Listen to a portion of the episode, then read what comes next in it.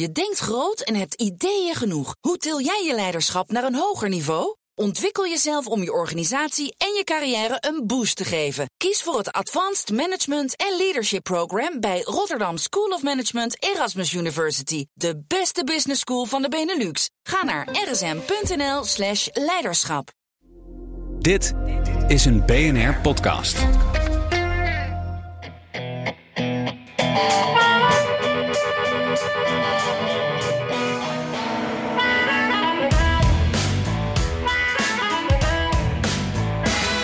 ...15 januari, de dag waarop het officiële startsein klinkt... voor de Amerikaanse verkiezingsrace... komt met rassenschreden dichterbij. In Iowa, waar de eerste caucus voor verkiezingen worden gehouden.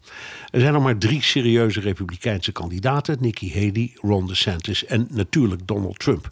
Die blijft favoriet, maar Nikki Haley gaat duidelijk in de richting van een polepositie. I have been underestimated in everything I've ever done.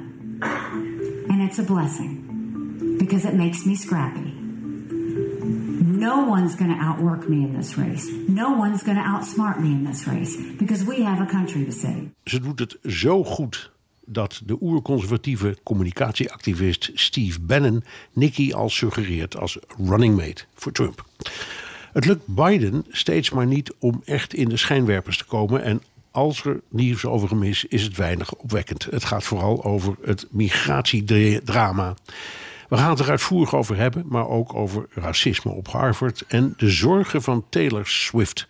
Kan de allerpopulairste popartiest zorgen hebben? Ja, dat kan. Dit is aflevering 213 van de Amerika-podcast. Mijn naam is Bernard Hammelburg met een verse beker koffie in Studio Hammelburg in New York. Jan reist vanuit Nederland terug naar Washington, maar is er nog niet. En dus zit tegenover mij het inmiddels beproefde nepotistische alternatief. En dat ben ik, David Hammelburg, ook met een lekker bakkie koffie. Uh, hartstikke leuk trouwens dat we deze, voor deze aflevering samen in Studio Hammelburg zitten. Uh, wat is jou de afgelopen week het meest opgevallen? Uh, dat was eigenlijk een feestje bij jou, zou ik maar zeggen. Een collega die ik ontmoette op het oudejaarsfeestje... dat je met je vrienden um, vierde... Uh, en die collega die werkt op het Witte Huis als verslaggever en volgt Biden dus overal waar hij heen gaat. Die heeft een vaste plaats op Air Force One. Ik heb het zelf ook wel eens meegemaakt en je moet je er niet al te veel van voorstellen. De meeste meereizende journalisten zitten in het volgvliegtuig. Maar een groep van een man of twaalf zit in het toestel van de president. Maar achter een wand in gewone standaard vliegtuigstoelen. Er is niks luxe aan. Doorgaans stapt de president tijdens de reis door de deur in die wand om even met de journalisten te praten. De journalisten hebben zogenaamde poolplicht. Dus ze moeten alles delen met hun collega's in het volvliegtuig. Of waar dan ook. Mensen die willen weten wat daar is gebeurd. Wat deze collega vertelde is dat Biden drie jaar lang nog nooit door dat deurtje was gestapt. Behalve na zijn bezoek aan Netanyahu. Toen kwam hij geëmotioneerd en opmerkelijk fel een soort korte persconferentie geven. Maar wat mij nou is blijven hangen in dit verhaal is die drie jaar. Die korte praatjes in Air Force One hebben presidenten als Reagan, Clinton, Obama, zijn er nog meer, veel extra aandacht gebracht. Biden verstopt zich. En dat past in het beeld van onzichtbaarheid. Zelden een persconferentie, zelden een interview. Niet aanspreekbaar. Nee, ja, ik, ik, ik, het is inderdaad opmerkelijk. het is de zogenaamde gaggle. En een gaggle is een soort onofficieel uh, praatje van uh, de hoge hotemethode, wie dat ook mag zijn. Uh, die off the record vaak wat dingen vertelt. En dat hoort daarbij. En eh, ja, we vielen er al een beetje, allebei een beetje van op. Ehm, dat hij dat dus nog nooit heeft nee. gedaan of amper doet. Uh, met enkele uitzondering. En dat is, ja, het, het schetst inderdaad een beeld. Verstoppertjes velen weet ik niet, maar het is inderdaad een, een, een, nee, een ik, vreemd ik, fenomeen. Want hij was altijd, in zijn jongere jaren, ja. laten we zeggen, goed gebekt. Ja. Is hij nog steeds trouwens, maar het was ook een man met wie je een biertje kon drinken. En dat kan dus kennelijk niet. Nee, maar ik, ik zag plotseling dat beeld weer voor me van... Um, eh, Joe Biden in de kelder van zijn huis. Die af en toe zo zijn kopie naar boven stak en verder onzichtbaar was. Ja, maar dat was toch ook het beeld wat Trump destijds schetste. Kom Ja. nou eens een keertje uit, je, uit je, je kelder en je kluis en laat je gezicht eens zien. Hoe is het dan mogelijk dat eh eh 8 miljoen mensen meer op jou hebben gestemd dan mij? Ik bedoel, ik, je, je kan er wat bij voorstellen. Jawel, jawel, jawel. Maar toch, maar toch, er is iets. Ik, ik denk dat, eh, nou ja, we hebben het er al heel veel over gehad. We gaan het er in de Amerika-podcast eigenlijk van nu tot de verkiezingen voortdurend over hebben. Maar je vraagt je af hoe die persoonlijkheden zijn. En als ik zo kijk, dit soort dingen hoor, dan bevestigt het in mij het beeld van een man die misschien niet echt wil, of het niet echt kan, of al die dingen die je steeds bij elkaar optelt. Een beetje oud, een beetje slecht in zijn woordkeus. Ehm, en af en toe dan toch wel weer even heel fel. Het is, een, het is geen duidelijk beeld. En dit verhaal van die collega eh, op jouw feestje, dat plotseling kreeg ik bij wijze in schaakspel kreeg ik plotseling een loper of een paar pionnen erbij. Ja. Ik snap er plotseling- meer van. En het, het is, eh we hebben eh, vorig jaar een uitzending gedaan over Camilla Wee. Ja, Hè? En ik vraag me nu af, waar is Joe? ja, ja. En als je, eh, gisteren kwam je uit, eh, terug uit eh Saint Croix, Saint Croix, zoals je dat mooi in het Engels zegt. ja. En werd de vraag gesteld ehm, van wat ga je over migratie doen, waar we het over zullen hebben. Eh, en zijn antwoord was een beetje schrompelend. Ja, ik, eh, ik heb geld nodig van congres. Ja. En daar, daar, daar hield hij het bij. Dat is dan, vind ik, weer zo'n mooi moment om te zeggen... luister eens, dames en heren. Ik begrijp precies wat er speelt. En we hebben dit en dit en dit nodig. Maar dat komt er niet uit. Het is Nee. een half zinnetje. En, en dan deed hij de, dan deed hij de, ehm, eh, de, de Trump en Reagan truc. Hij deed dat onder de nog draaiende motor van de helikopter. Ja. Dat is gewoon een truc. Ja. Nou, dat had Reagan uitgevonden. Hè? Die stond dan onder een draaiende helikopter... en die stak zijn Ja, die hand over zijn oor. Zei, hè, wat? Ik kan niet horen. En dan zei hij wat hij zelf wilde zeggen. Dat was knapper. Ja, Oké. maar dat doet Biden dus niet. Helemaal niet. Oké, wat was jouw nieuws van deze week? Nou ja, het, voor mij eh, was het opvallendste toch het terugtreden van Claudine Gay eh, als rector magnificus van Harvard Universiteit. Eh, je weet ongetwijfeld wat er speelde in een hoorzitting van het Huis van Afgevaardigden. Wat, dat was op eh, 5 december. Eh, werd haar gevraagd of demonstranten, in dit geval pro-Palestijnse demonstranten, op het terrein van de universiteit mogen oproepen tot de genocide van Joden. En eh, hangt van de context af, bleef ze maar antwoorden. And Dr. Gay, at Harvard, does calling for the genocide of Jews violate Harvard's rules of bullying and harassment? Yes or no? It can be, depending on the context. What's the context? Targeted as an individual, targeted as, at an individual. It's targeted at Jewish students, Jewish individuals. Do you understand your testimony is dehumanizing them? Do you understand that dehumanization is part of anti Semitism? I will ask you one more time. Does calling for the genocide of Jews violate Harvard's rules of bullying and harassment? Yes or no? Anti-Semitic rhetoric. When it And is it anti-Semitic con- rhetoric? Anti-Semitic rhetoric when it crosses into conduct that amounts to bullying, harassment, intimidation. That is actionable conduct, and we do take action. So the answer is yes, that calling for the genocide of Jews violates Harvard Code of Conduct, correct? Again, it depends on the context. It does not depend on the context. The answer is yes, and this is why you should resign. These are unacceptable answers across the board. Nou, ze werd eh, aanvankelijk niet ontslagen, maar nu is het bestuur van Harvard daarop teruggekomen. Eh, ze blijft hoogleraar met haar salaris van eh, niet, net ietsje onder een miljoen. Eh, maar is geen baas meer. Ehm, maar de aanleiding voor het bestuur eh, eh, dat ze ook is betrapt op wetenschappelijke plagiaat. En dat is eigenlijk nog ernstiger dan waar ze op het matje voor werd geroepen tijdens die congreshoorzittingen. Wacht even, maar even voor de duidelijkheid. Het, het- belangrijke, ehm, het, het, is, het plagiaat plegen is een ernstiger vergrijp dan eh, racisme toestaan op je campus. Nou, op een universiteit wel, Ja. vooral als een, eh, een universiteit zoals Harvard. Ja.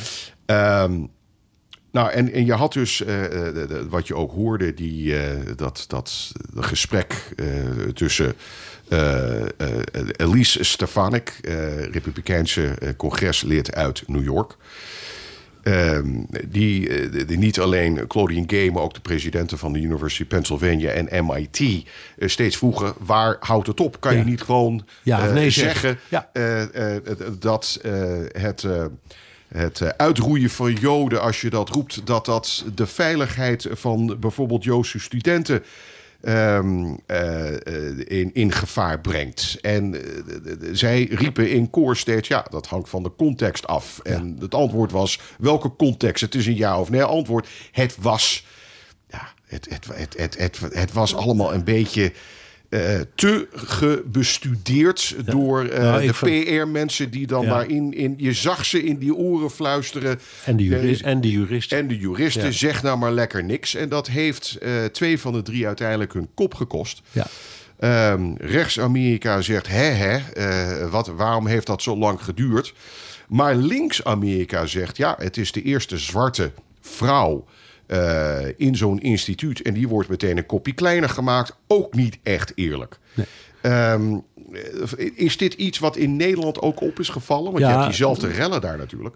Ja, nou ja, het is opgevallen omdat wij, in afval bij BNR hebben we er nogal wat aandacht aan besteed. En ik, ik ben ervan overtuigd eh, dat de andere media dat ook hebben gedaan. Want de, de- het, het verhaal van ehm, eh, het bedreigen van Joden, dat mag wel, maar het hangt een beetje van de context af. Dat, dat, dat viel echt in de hele wereld op. Wat mij opviel, ik, ik, jij hebt het ook gezien, was een column van Brad Stevens. Dat is een vaste eh, columnist eh, in de New York Times. Een wat rechtstere commu- Ja, een, een rechtse communist. En die schrijft, die schrijft die mevrouw Gay helemaal de grond in. Niet vanwege deze affaires. en ook niet vanwege dat, die plagiaatzaak. Maar omdat hij zegt dat ze wetenschappelijk volgens hem een totale nitwit is. Heeft ooit maar één boek geschreven. En is alleen maar beroemd omdat ze zwart is. Ja. Ja, eh, nou, het En- zijn en dit- keiharde woorden. Ja, en dit onder de leiderschap van de DEI, dat is de Diversity, Equity en eh, Equality. Of, Maar goed, dat, dat, hè, dat wat alle grote firma's in dit land eh, zich nu aan moeten houden. Dat is een soort Diversiteit. diversiteit, een soort, eh, wij, in de oude eh volkstaal eh, mond was dat positieve cri- discriminatie. Ja, ja, maar de- Ehm, maar hij zegt dus, de enige reden waarom zij überhaupt is benoemd... In, in de kortste hoorzittingen binnen Harvard ooit... ja. is vanwege deze reden. Ook niet helemaal eerlijk, maar ehm, er, is, er is veel voor te zeggen. En zoals ik zei, ehm, eh, linkse bolwerk in Amerika... die eh, kwam haar meteen te steun... Eh, onder het mum van ja, we hebben nu eindelijk iemand die wij daar willen hebben. En binnen zes maanden is ze weer weg. En zie je wel dat zwarte slimme vrouwen het in dit land ook niet kunnen redden. Ja. Ehm, het is een boeiend gesprek. Het is nog lang niet voorbij. Nieuw MIT nog, zegt rechts-Amerika. Maar het gaat natuurlijk veel verder, want in een instituut zoals Harvard, eh, wat kan wel en wat kan niet? Dat, dat blijft de vraag. Communicatie was bar en boos slecht.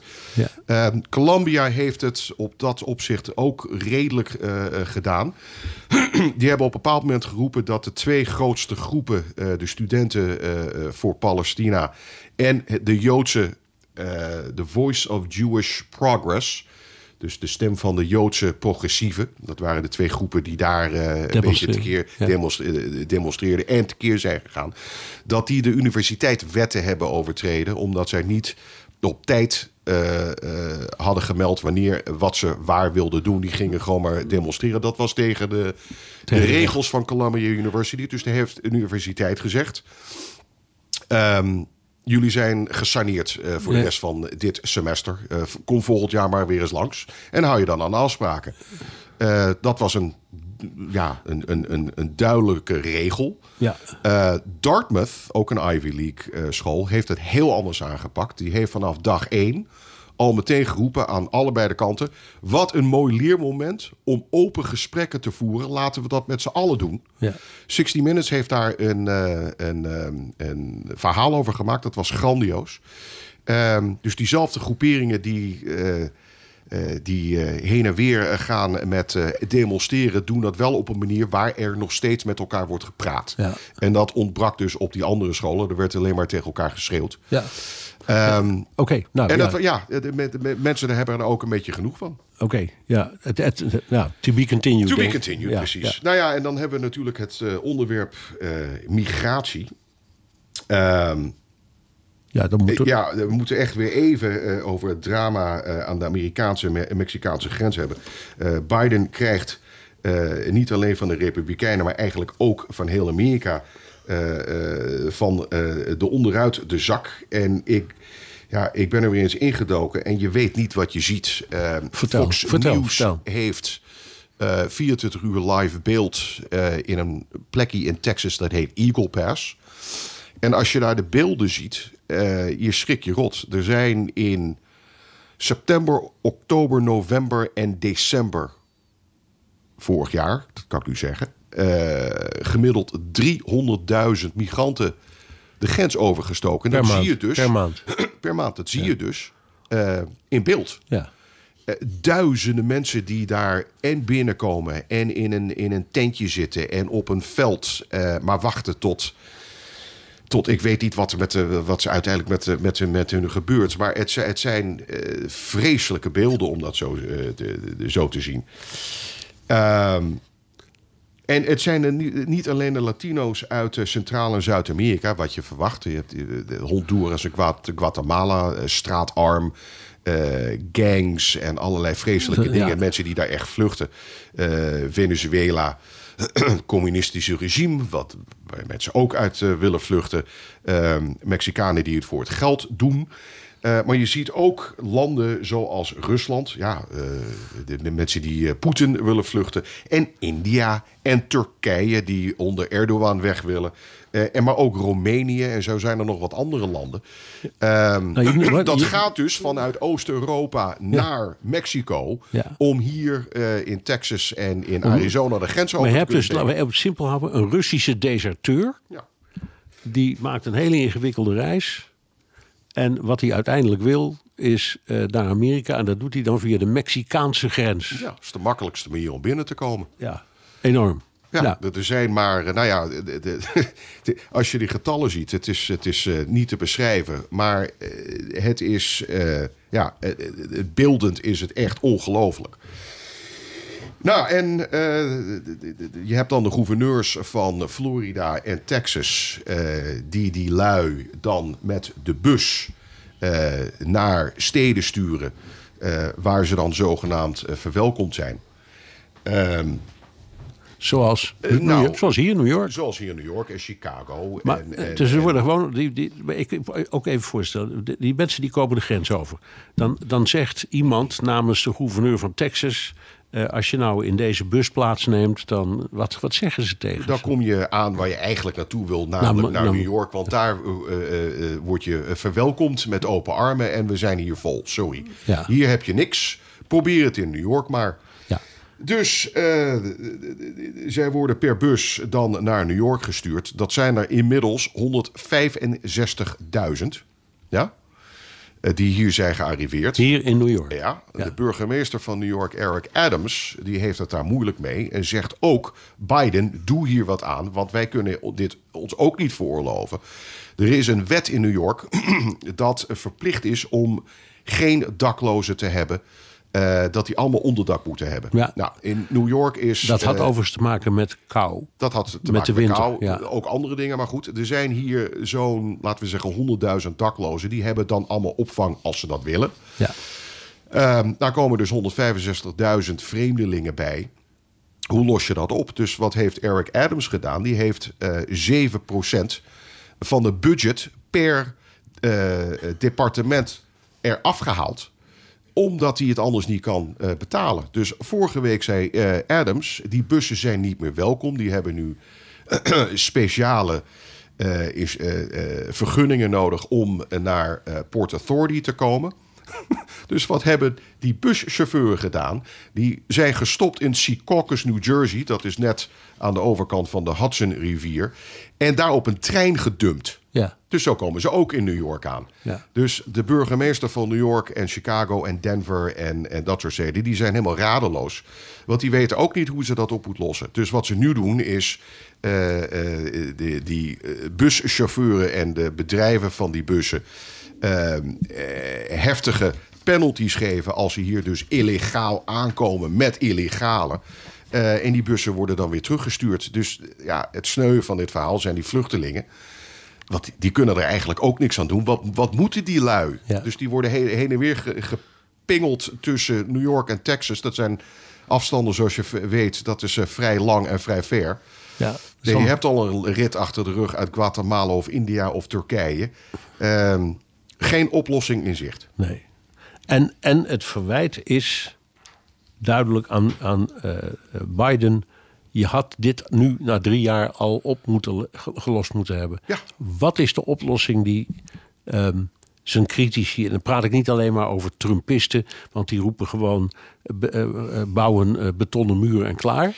Maar wat, wat ze, je hebt ook, ehm, eh, laten we zeggen, de oppositie uit zijn eigen kring. Hoe, wat willen die? Hoe willen die het oplossen? Ik denk dat de meeste Amerikanen het er inmiddels wel mee eens zijn. De grens moet gewoon op slot. Ja. Ja? Er was altijd de reden waarom dat niet was. En dat, dat, dat weten we. Dat als eh, migranten Amerika niet binnen kunnen... dan valt de economie van Amerika morgen in tuin. In elkaar, ja. ja, Ja, ja, en want dat- dat, dat- dat- allemaal in de, in de landbouw. Allemaal in de dan- landbouw, allemaal de, In de bouw. In de bouw. Ja. Eh, dat doen Amerikanen niet, maar eh, Mexicanen wel. Dus dat had een financiële en economische reden. Maar goed, die grens moet op slot. Dan moet eh, de, eh, de, de processen van eh, asielzoekers en de rest moeten gewoon procederen zoals alle anderen dat ook moeten doen of hebben gedaan. Ja. En daarna zien we wel. Maar eh, dat is een beetje waar iedereen op roept. En dat is dus niet gebeurd. Ehm, Biden zegt nu, we moeten echt iets aan die migratietoestand doen. Ja, dat roept Dat- hij nu. ja. En in ruil voor een deal moet er dan meer geld komen voor Oekraïne Ja, en, ja. en Israël. Hè? Dat, dat is waar we nu zijn. Dus ik, ik, je kan zeggen, ja, het, het is allemaal een beetje cynisch, maar hij heeft dat Nou ja, ik zeg het zo is, laten zitten. Maar het is ook politiek. Ja, en we hebben het er al eerder over gehad. Ik geloof ook van in de, in de podcast met Jan. ehm, dat het, het, het Nederlandse kabinet is gevallen over migratie, niet over Oekraïne. Nee. Eh, en eh, de grote winnaar van de Nederlandse verkiezingen, eh, Geert Wilders, die heeft het ook over nul migranten toelaten. Gewoon compleet sluiten. Ja. Eh, nou, dan komen dan natuurlijk uiteraard komen er wel eh, concessies. Er is, er is nu een soort Europees akkoord. Maar ook dat gaat uit van veel scherpere controle aan de buitengrenzen. Een betere selectie maken tussen mensen die, van wie je weet dat het nooit wat wordt. En mensen waarvan je kent, ja, die hebben een kans gewoon op, op een officiële eh, asielprocedure. Enfin, er moet iets gebeuren. Het is niet gebeurd. En ik, ik heb de indruk dat dit eh, een van de grootste onderwerpen eh, in de verkiezingen is, aan het worden is. Ik denk dat het op dit moment eh, een beetje het grootste onderwerp is. Eh, meer dan nog recessie en de economie, de standaard onderwerpen. Want dit, dit is een zichtbaar probleem. Als je in Midtown Manhattan loopt, dan zie je ze. Eh, kindertjes die bedelen. eh, op de ondergrondse zie je eh, vrouwtjes die snoep verkopen. En die komen allemaal uit die bussen uit Texas. Ja. En destijds was het een, ja, ik vond het een, een, een stunt. Met die wat- bussen, Met ja. die bussen, wat gouverneur Abbott heeft gedaan. Die zegt, nou ja, jullie lossen het maar op. Jullie zijn er zo goed in.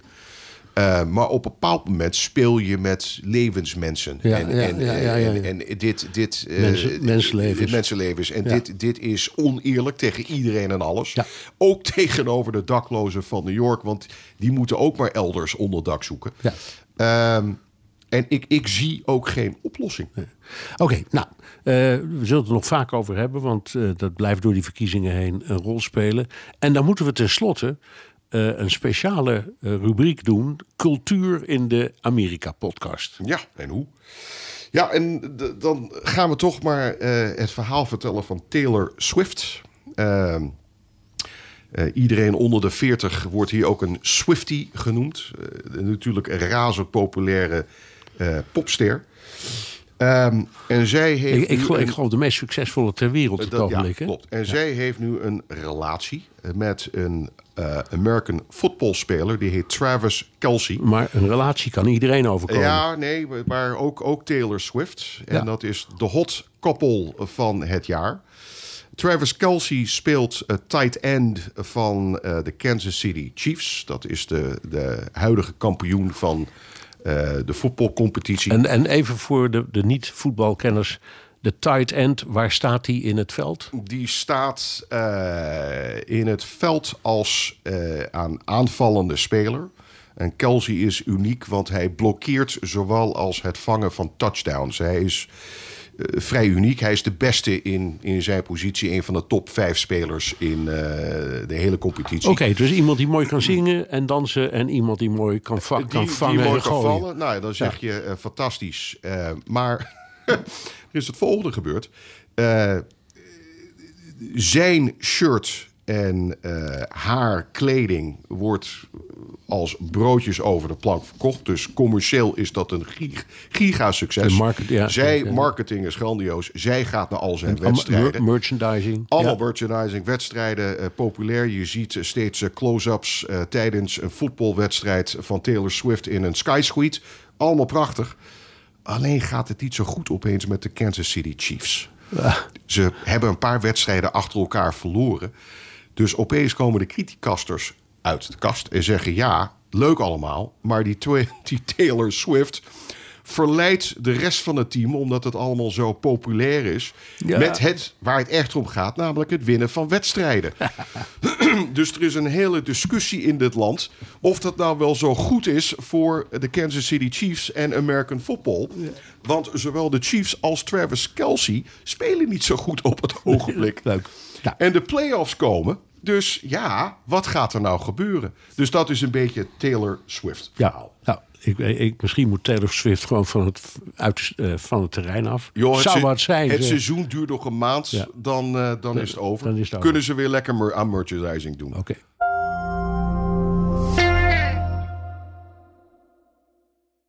Je denkt groot en hebt ideeën genoeg. Hoe til jij je leiderschap naar een hoger niveau? Ontwikkel jezelf om je organisatie en je carrière een boost te geven. Kies voor het Advanced Management en Leadership Program bij Rotterdam School of Management Erasmus University. De beste business school van de Benelux. Ga naar rsm.nl/slash leiderschap. Zullen wij naar de luisteraarsvragen gaan? Yes. Ja, die zijn welkom via de mail of de Amerika Podcast WhatsApp. Daar kun je je vraag of opmerking ook inspreken. Het nummer is 06 26 13 50 20. En laat ook even een beoordeling achter in Spotify. Eh, helpt ons ook weer natuurlijk. Ja, zeker. Ja, Jan let er altijd helemaal precies op. Ja. Oké, nou, eh, hebben we hier ontzettend leuk een bericht van Monique en Paul. En eh, dat zijn goede vrienden, want die zien we als zij niet reizen en als ik niet reis, zou ik maar zeggen. In principe elke week bij ehm, eh, de, de Friday Move. Dat zijn vaste gasten die altijd daar komen. Leuk. Ehm, en, ehm, en die zijn zeer geïnteresseerd, eh, ook, ook in, de, in de verhalen die wij maken. En, en goede luisteraars zie je ook. Dus ik vind het echt leuk, laat ik het even zeggen, Monique en Paul. Hartstikke leuk om van jullie überhaupt in deze podcast een vraag te krijgen. Je vraagt of er eh, in Amerika wel rekening wordt gehouden in de verkiezingsstrijd met het begrotingstekort. Eh, Amerika is een triple-A-rating kwijt. Zelfs meer gebeurd hoor, maar goed dan toch. Ehm, en eh, de eerste eh, do- olietransacties komen tot stand niet in dollars, maar in andere valuta. Ehm, is er iemand op het politieke toneel die zich hier zorgen over maakt en wordt er, over, wordt er gesproken over mogelijke stappen? Nou ja, volgens mij is, eh, eh, spreekt Donald Trump hierover. Ja, En hij was, toen hij president was, vrij hard in zijn stand tegenover China. Ja. En als je hem nu hoort, eh, gaat hij toch wel nog steeds tekeer over China en de maatregelen die hij gaat nemen, mocht hij weer president worden. Dat is eigenlijk altijd zijn tweede of derde onderwerp. China, China, China. Ja. Of als hij dat zegt, China. Ja. Ehm, eerst even het verdedigen van de verkiezingen van 2020 en dat het allemaal nep was. Ja. Dan gaat het toch wel vrij snel over op China. Ja. Maar, Ehm, maar er zit nog een andere kant aan. Hè? Want je hebt natuurlijk China, eh, de, de, de, economische clash die zich voordat. Hoewel, hoewel ik altijd zeg dat als je de politiek even verwijdert uit het verhaal en alleen maar kijkt naar de handel, is er niet zoveel aan de hand. De handelsbetrekkingen tussen die landen zijn uitstekend. Ze zitten tot in elkaars haarvaten. Zijn ze met elkaar verbonden, trouwens Europa ook. Dus het is ook wel een beetje ja, een, een machtsspel wat gaat over politieke macht. Maar er zit nog iets eh, wat ik me altijd laat uitleggen door economen, macro-economen. Amerika is eigenaar van de dollar. En eh, ja, Monique en Paul, eh, er worden inderdaad nu wel oliecontracten afgesloten in andere, andere valuta. Maar het is toch nog altijd de dollar die het in de wereld voor het zeggen heeft. En dus denken de Amerikanen, laat die maar lekker oplopen. Het is in dollars. Nou, Eh, Dus we zijn onkwetsbaar. Dat gevoel zit er enorm in. ja, maar als je het over de politiek hebt, is dit niet echt, eh, laten we zeggen, top 5 op de lijst van mensen eh, die zich daar echt de zorgen over maken. Ja. Oké, nou, dank. En ik zie jullie gauw weer bij, bij Wilfred. Ehm, vraag van Wouter Oosthuizen. Eh, eh, die, die, heeft, eh, die volgt de primaries precies. Die, die gaan dus beginnen hè, binnenkort. Ehm, en die, die zegt, is er een mogelijkheid voor democratische kiezers... om zich te vereniging achter, verenigen achter een republikeinse kandidaat bijvoorbeeld. Nikki Haley, om zo een presidentschap van Trump te voorkomen. En kan een democraat zich bijvoorbeeld nu nog lid... kan die nou nog lid worden van de Republikeinse Partij voor de komende verkiezingen? Eh, kunnen ze op deze manier invloed uitoefenen op een Republikeinse kandidaat? Is dit in het verleden wel eens gedaan? Of zijn er maatregelen om dit te voorkomen? Het is een ingewikkelde vraag, omdat hij niet één antwoord heeft. Of, of je lid, eh, wat je stemt, in de ene staat mag je je registreren als democraat en stemmen op de Republikeinse Partij? Nee, jij zegt nee? Nee, het, het- In ik- andere staten mag dat Ja, wel. nee, ik, ik begrijp de vraag, maar het antwoord is toch ietsje simpel.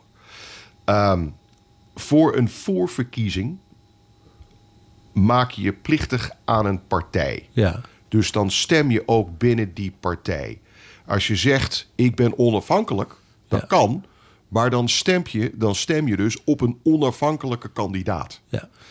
Met de algemene verkiezingen. Dus maakt na dat de niet- voorverkiezingen. na de voorverkiezingen maakt dat niets uit. Nee. Om juist dit te voorkomen. Ja. Ja, dus dat, dat, dat is hoe het eh, in het algemeen werkt in Amerika. Dus je registreert en- je als een democraat voor de, in de voorverkiezingen... dan kan je niet gaan stemmen op Nikki Haley. Nee, nee oké. Maar nou, hij zegt... eh, kunnen...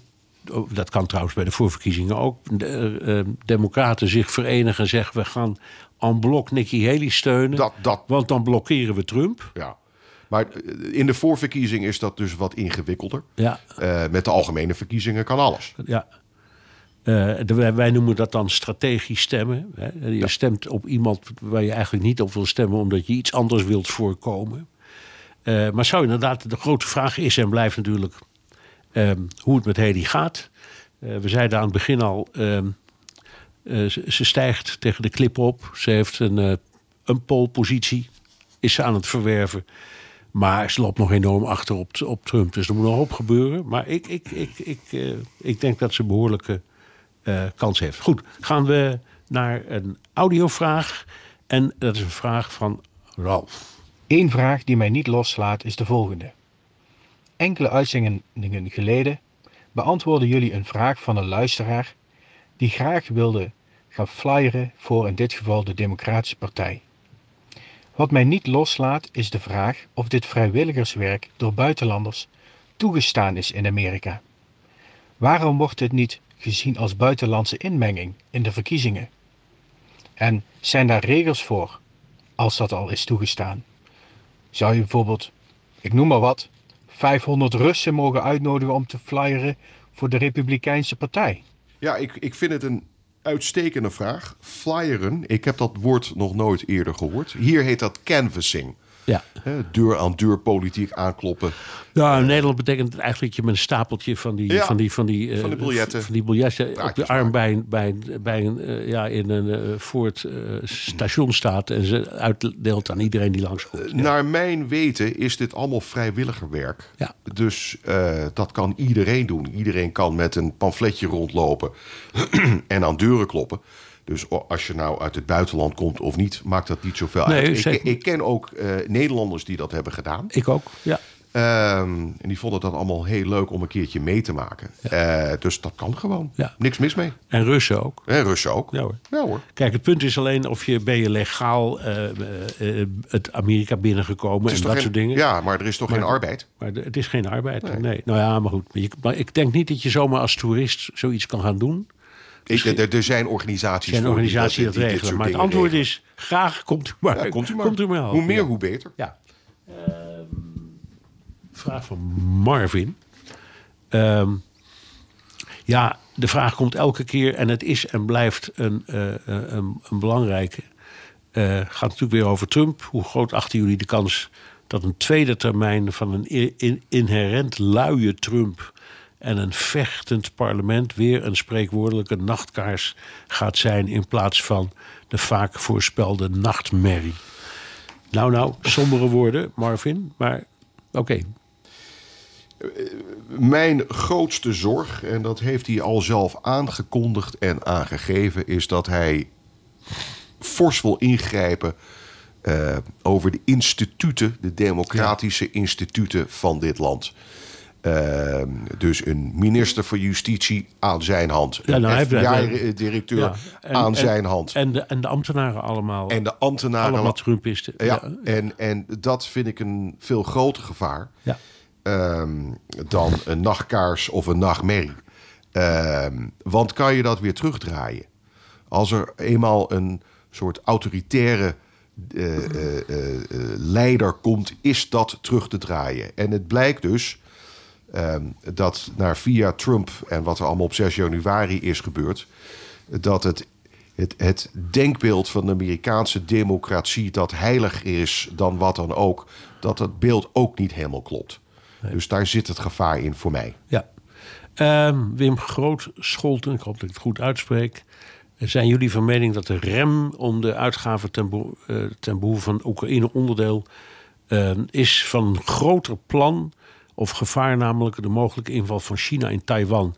Hij is niet de enige die die vraag stelt. Of is het een onderdeel van een klassieke campagne-strategie tussen Republikeinen en Democraten?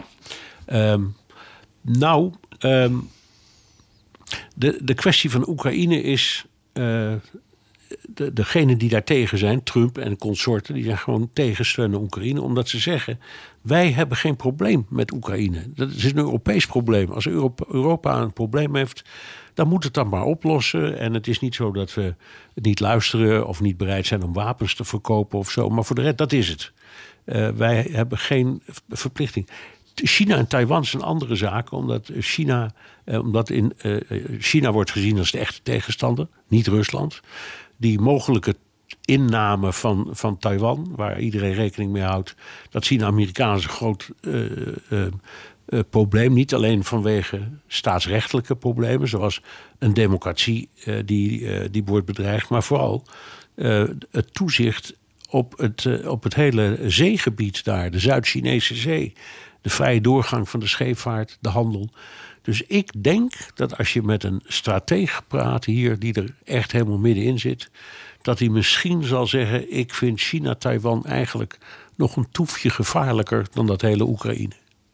Ja, maar is dat de reden, eh, wat de vraag ook stelt, om ehm, de rem op de uitgaven eh, tegenover Oekraïne, eh, Ja, ja, om, dat, dat- om dat geld in te houden? Ja, dat is, dat is een van dat de reden is omdat de Trumpisten zeggen. Eh, wij willen eigenlijk helemaal geen geld meer naar eh, Oekraïne. Alleen ze hebben het nu gekoppeld aan de kwestie van de grens. Ja. Dus als, als eh, Biden komt met een, een, een, een plan om die, dat probleem aan de Mexicaanse grens te regelen, dan zeggen leden in het congres: zijn wij bereid te praten over een nieuw pakket aan steunmaatregelen voor Oekraïne. Maar we doen niet meer wat we in het verleden hebben gedaan, namelijk een groot bedrag reserveren waar de president dan hapjes uit kan halen voor hulp. Nee, we willen dat, dat, dat het, post voor post elke keer aan het congres wordt voorgelegd. Maar dat geld was er eigenlijk al. Nee, er dus was het, is nu het vinden of het Nee. zoeken van nieuw geld. Ja, nee, dat? het, ja, nee, het was in het oude congres, dus voor de midterms, had Biden 110 miljard dollar gereserveerd voor Oekraïne. En dat, daar heeft hij steeds uit geput. Dus als er nieuwe raketten kwamen ter waarde van 500 miljoen, dan werd dat afgeboekt van de rekening die we dus. Het was een soort van zijrekening waar die gebruikt Die is nu leeg. Er is nu eh, vorige week de laatste 250 miljoen dollar uitgepulkt, gekrapt, geschrapt. En nu is dat leeg. En Biden zegt: Ik wil daar weer een nieuw bedrag op storten, namelijk 61 miljard. En daarvan zeggen vooral de Republikeinen: eh, we willen destijds we willen wel onderhandelen, maar je krijgt niet meer zo'n blanco cheque. Maar ook in Europa speelt deze kwestie, want op een bepaald moment is het op of eh, Ja. kunnen we niet wat anders be- bedenken. De- dit is geen eindeloze put. Dat klopt, dat klopt. Het is niet zo dat het in Europa eh, niet speelt, maar in het algemeen is het zo dat het geld voor een groot deel uit Europa is gekomen afgelopen tijd, maar de wapens en wapensystemen eh, voornamelijk uit Amerika. Dus een ernstige, een belangrijke kwestie. Fijn, het is nog niet over en eh, een goede vraag, Wim. Eh, we gaan naar een eh, audiovraag en die is van Robert de Jager. Ik heb eventjes een vraag over Donald Trump. Het is de afgelopen weken natuurlijk best wel gegaan over hetgene wat hij zegt. En nou ja, ook wel dat dat vrij discriminerend is in eh, mijn ogen. Zeker als je het hebt over dat eh, illegale immigranten het Amerikaanse bloed vergiftigen. Ik was benieuwd of er in het Amerikaanse verleden een president aan te wijzen is die in dat opzicht een beetje vergelijkbaar is geweest met Trump. Of bevinden we ons nu op onontgonnen terrein? Ja, is er eh, ooit een vergelijkbare president als Trump geweest die ook zulke taal uitsloeg? En je hebt zitten denken. Nee, niet op deze manier. Ehm, wie wel heel goed tekeer kon gaan was Richard Nixon. Ja, maar die deed het voornamelijk binnenskamers. Ja, En je had Lyndon Johnson. ja die, want dat was een schreeuwleker die met, Ja, zijn- maar- die met ja. zijn vuist op tafel stond. Nou, en die, ja, en die vloog mensen naar de nek. En Ja. die, en die, eh, die bedreigde, eh, die, die bedreigde ze echt. Die stond ze s'nachts bij de lift op te wachten. Maar, maar dat was meer eh, Maar dat was- politieke manoeuvres. En Nixon, Nixon was eh, eh, zo fel anti-counterculture. Ja. Het, eh, het linkse bolwerk eh, waar hij zo tekeer eh, tegen ging. En eh, maakte zich ook, eh, ja, eh schold ze uit met ook lelijke taal. Maar op de manier van Trump. eh, Nee, en zijn grote. Nee. Wie, wie is ook weer Trumps ehm, idool? Was het Andrew Jackson misschien? Ja. Kan dat zijn? Ja. Die kon er ook wat van hoor. Die was, stond ook berucht om de scheldpartijen. hebben we nog audiofragmentjes? van Nee, dat Uit was- 1820? Nee, dat- nee, helaas niet. Helaas niet. Nee, nee. Nou goed, eh, Trump is een aparte man. Goed, we gaan naar Joris van Eck. Eh, en die, die, die woont eh, al drie jaar in New Canaans. Ik geloof dat je het zo uitspreekt, Connecticut. Dat is vlak bij ons. Eh, en eh, die, die praat over de studiekosten. Want hij heeft gestudeerd en heeft verteld wat dat allemaal kostte. 35.000 dollar per jaar. Maar dat was twintig jaar geleden, tien jaar geleden. Eh, inmiddels is dat 65.000. Ehm, ehm, hoe komt het dat universiteiten zo duur zijn in vergelijking met Europa? En is het huidige systeem met de forse jaarlijkse stijgingen houdbaar? Denk aan de studieleningen met gigarentes voor pas afgestudeerden. Het antwoord is nee, dit is niet houdbaar. Je hebt eh, natuurlijk in Amerika eh, eh, mensen die dat gewoon kunnen betalen. Die hebben eh, voor 80.000 dollar per jaar, vier jaar, die hebben een kwart miljoen afgeschreven. Dat, dat betalen ze maar even. Maar de meeste mensen kunnen dat niet doen. Dus zoeken studiebeurzen of als, ze, Leningen. als, ze, als ze mazzel hebben, zijn ze goed in een sport. Ehm, maar het is niet houdbaar op deze manier, want het gaat zo vers en fel vooruit elk jaar. Eh, het verdubbelen van het verdubbelen van het verdubbelen, waar eindigt dit? En er zijn heel veel mensen die nu zeggen: ehm, als je naar de staatsuniversiteit gaat, bijvoorbeeld in New York, heb je een uitstekende school. Dat heet SUNY Binghamton. Ja. Dat kost nog maar, nou, 6, 27.000 dollar per jaar. Nou, bijna voor niks. Ja, Maar als je dat vergelijkt met een private school zoals Marist, dat op 70.000 zit. Ja. En het onderwijs is ongeveer hetzelfde en gelijkwaardig. Waarom zou je dan doorgaan met de private schools? Omdat, je, omdat je er zeker van bent dat de recruiters je staan op te wachten voordat je je examen hebt gedaan om je voor gigasalarissen in dienst te nemen. Misschien, maar je moet wel heel veel in de schuld gaan Ja. om dat allemaal terug te Ja, betalen. Dus wat je nu hebt is die, school, die goedkopere scholen worden beter. Ja. En de betere scholen Worden niet beter. worden niet beter. Nee. En trouwens nog even terug over die mevrouw Gay van Harvard, waar we het net over hadden. Die heeft dus een salaris van een miljoen. Ja, en dat, dat, is niet eens en dat is niet zoveel eens geld. hoog, dus ook Eh, dat speelt een Voor rol. een CEO van een eh, major corporation Ja. is dat niet zoveel nee, geld. nee, maar voor een hoogleraar vind ik het toch vet betaald. Ja, maar goed, even eh, 80.000 dollar, eh, het, het gaat naar de 100. Eh, wie kan zich dat nog veroorloven? Ja. Joris, Jo- als ik, Joris heeft nog een vraag. Die vind ik, die vind ik eigenlijk. Sorry, de- maar ik vind het veel leuker. Eh, die valt het op, wat ons ook altijd opvalt. Dat zodra je de stad uitgaat. dan zijn alle elektriciteitsleidingen.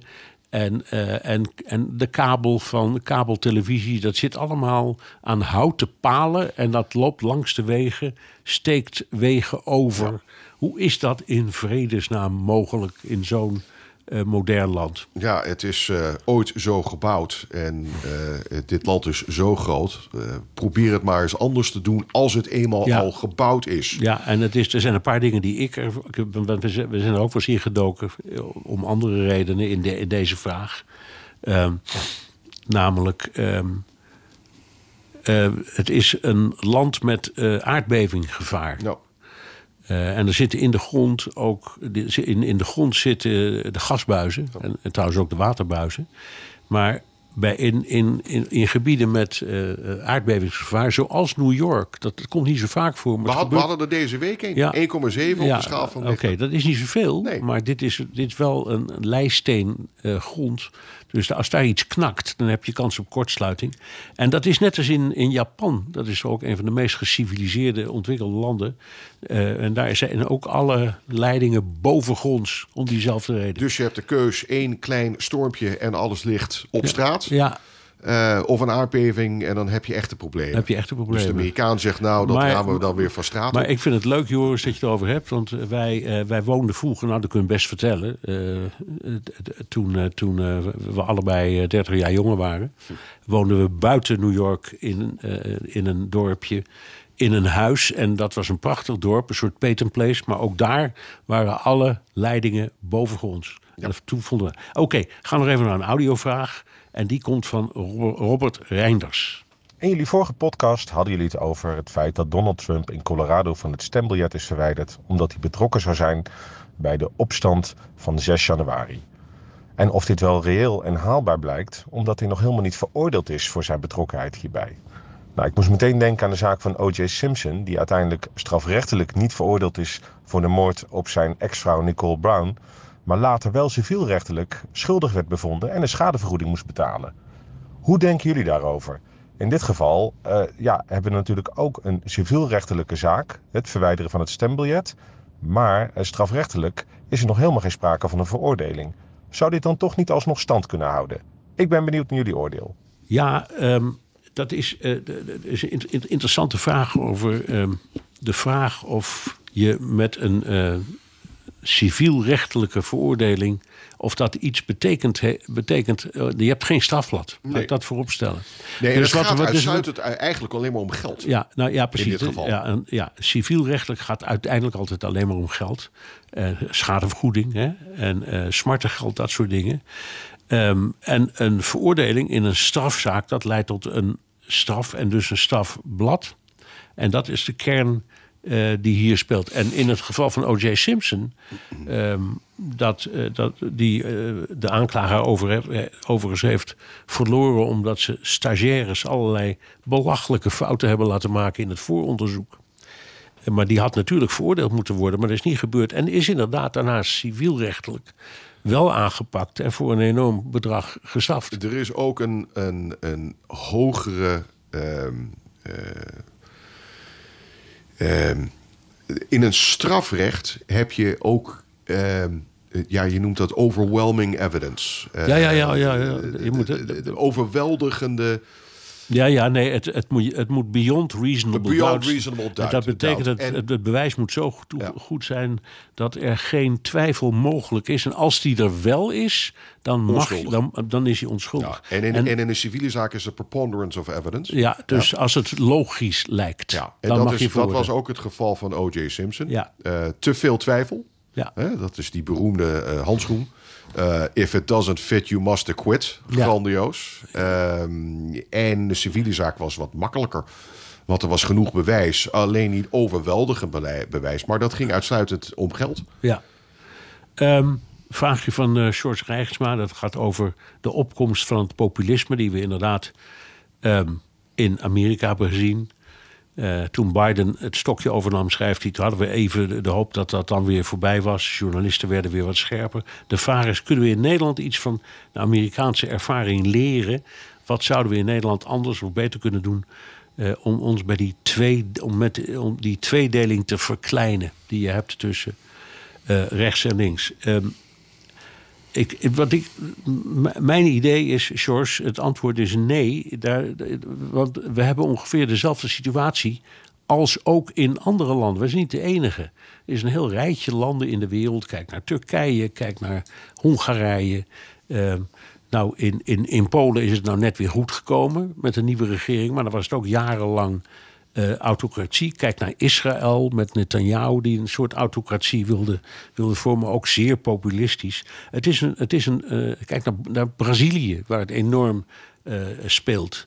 Argentinië, dat het zegt wereldwijd. Het is niet alleen Amerika. Wat, wat je moet leren is om ermee te leven, is mijn idee. Ehm, en om te hopen dat die, nou ja, ik zal maar zeggen, die populistische beweging eh, zich een klein beetje meer aan de fatsoensnormen weet te houden. Want dan, dan gaat het allemaal best. Dat is eigenlijk mijn antwoord. Eh, je ziet, ik, wat, wat dat betreft is eigenlijk de uitkomst van eh, de Nederlandse formatie misschien wel interessanter dan de voorverkiezingen in Amerika. Want hoe komen ze uit deze. dit is precies de, de kwestie die nu ook in, in Nederland speelt. Dus je hoeft niet verder te kijken naar Den Haag. En, en zo'n formatiestip, dat, dat duurt nou zes maanden. Hoe Oh nee, vorige keer was negen maanden. Negen maanden. Ja, en toen en, kwam en er- hoe komen ze er dan uit uiteindelijk? Ja, nou, door, door- Met al die verschillen. Ja, eh, eh, hoe komen ze eruit? Door, eh, door concessies te doen en met elkaar te praten. en af te stappen van hun eigen partijprogramma en principes. En dat zo transparant mogelijk uit te leggen aan de kiezer. We hebben dat en dat beloofd. Of we hebben gezegd dat we zullen streven naar belastingverlaging. En helaas wordt het bij nader inzien belastingverhoging. Maar daarvoor hebben we dan wel beter onderwijs of minder migranten binnengehaald. Dat is gewoon een beetje de handel die wordt gedreven. Zo werkt het. Nou, eh, we hebben nog eh, één eh, vraag. En hebben we ook nog een audiovraag, geloof ik. Thomas van der Kamp. Eh, dat gaat een wet over eh, plastic bekertjes. Die, die mogen niet meer op de werkvloer. Dus je moet een koffiemok van huis meenemen. Ehm, is het idee om jullie Amerika-podcast koffiemokken te verkopen? Mooie reclame. Eh, iedereen zou er meteen eentje kopen. Nou, het, ontzettend leuk. En we moeten erom lachen. Het is een heel serieus onderwerp. Ehm, en inderdaad, bijvoorbeeld bij de FD Media Groep, waar BNR deel van uitmaakt. Eh, daar staan bij de koffieautomaten inderdaad geen bekertjes meer. Er staat een grote kast naast.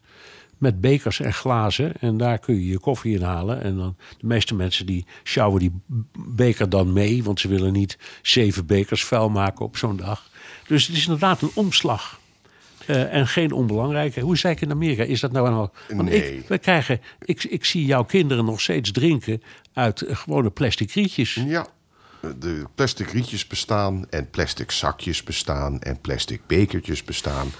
Dat wordt dan wel allemaal in een recycle eh, afval gedumpt. Ja. Maar eh, nee, zover zijn we hier nog niet. Nee, ja. Nee. Nee, dit, dit, nou, het is nog wel. Oké, hey, eh, we, we, we, we eindigen gewoon omdat we het zo leuk vonden met eh, een audiovraag van Gustav Koud. Sinds de vorige presidentsverkiezingen luister ik met veel plezier naar jullie podcast, samen met mijn beste vriend Maarten. Tijdens Oud en Nieuw eten wij Nederlanders altijd oliebollen. Ik vraag me af, hebben de Amerikanen tijdens Oud en Nieuw ook zo'n eettraditie? Ik ben zelf kok, dus ik ben bovengemiddeld geïnteresseerd in het eten van de Amerikaanse keuken. Ja, Ja, ja. oliebollen en appelflappen met oud en nieuw. Eh, hebben de Amerikanen ook zoiets? Antwoord is nee. Nee. Nee, eh, We en- hebben niet eens vuurwerk. nee. Nee. Nee, er worden geen rotjes afgestoken. En, eh, Het is allemaal eigenlijk heel saai. nou, er is wel, eh, je hebt wel vuurwerk, maar dat officiële... Nee, dat is geen officiële vuur, eh, Nee, vuurwerk. Nee, nee. dat heb je met, met het Azia Aziatische nieuwjaar. Ja. Dat, dat wordt hier wel groot gevierd, vooral in New York. en natuurlijk op 4 juli, onafhankelijkheidsdag. Ja, ja, Dat is het officiële knallenwerk. Maar op oud en nieuw is er eigenlijk geen... Ja, eh, geschiedenis van eh, trends. Eh, het is een beetje een mengelmoesje van alles. Ja, en, en, en even om duidelijk te zeggen, Gustav, oudejaarsavond zoals wij dat kennen, dat kennen de Amerikanen gewoon niet. Er zijn wel mensen, dat, dat hebben wij nu ook meegemaakt dit keer, die iets leuks doen, die een feestje met elkaar maken of lekker koken of er een, een, eh, iets, iets leuks mee doen. Maar de meeste Amerikanen liggen op oudjaarsavond gewoon al om half tien of half elf in bed en doen er verder niks aan. Kunnen wij ons niet voorstellen. Maar het is dus in Amerika geen echt feest. Nee, en ook niet een echte traditie. Nee. Maar dank voor de vraag. Leuk om je af te sluiten. En dat was hem dan weer, de Amerika-podcast. Terugluisteren kan via de BNR-app, eh, Apple Podcast en Spotify. Heb je vragen, opmerkingen, kritiek of complimenten? eh, dan kan dat ook met een tweet naar Jan Posma USA of BNR De Wereld. Of heel ouderwets, een mailtje naar dewereld.bnr.nl. Je kunt Jan ook vinden op Threads. Daar is hij op eh Jan Posma. En je kunt ook je vragen inspreken of intikken op de Amerika Podcast WhatsApp 06 28 13 5020. Ik herhaal 06 28 13 5020. Volgende week zijn we er weer. En dan is Jan weer achter zijn keukentafel in Washington. Dus wat mij betreft tot de volgende keer en een prettig nieuwjaar. Zullen wij eh, heel ruig zijn en nog een kopje koffie nemen? Laten we doen.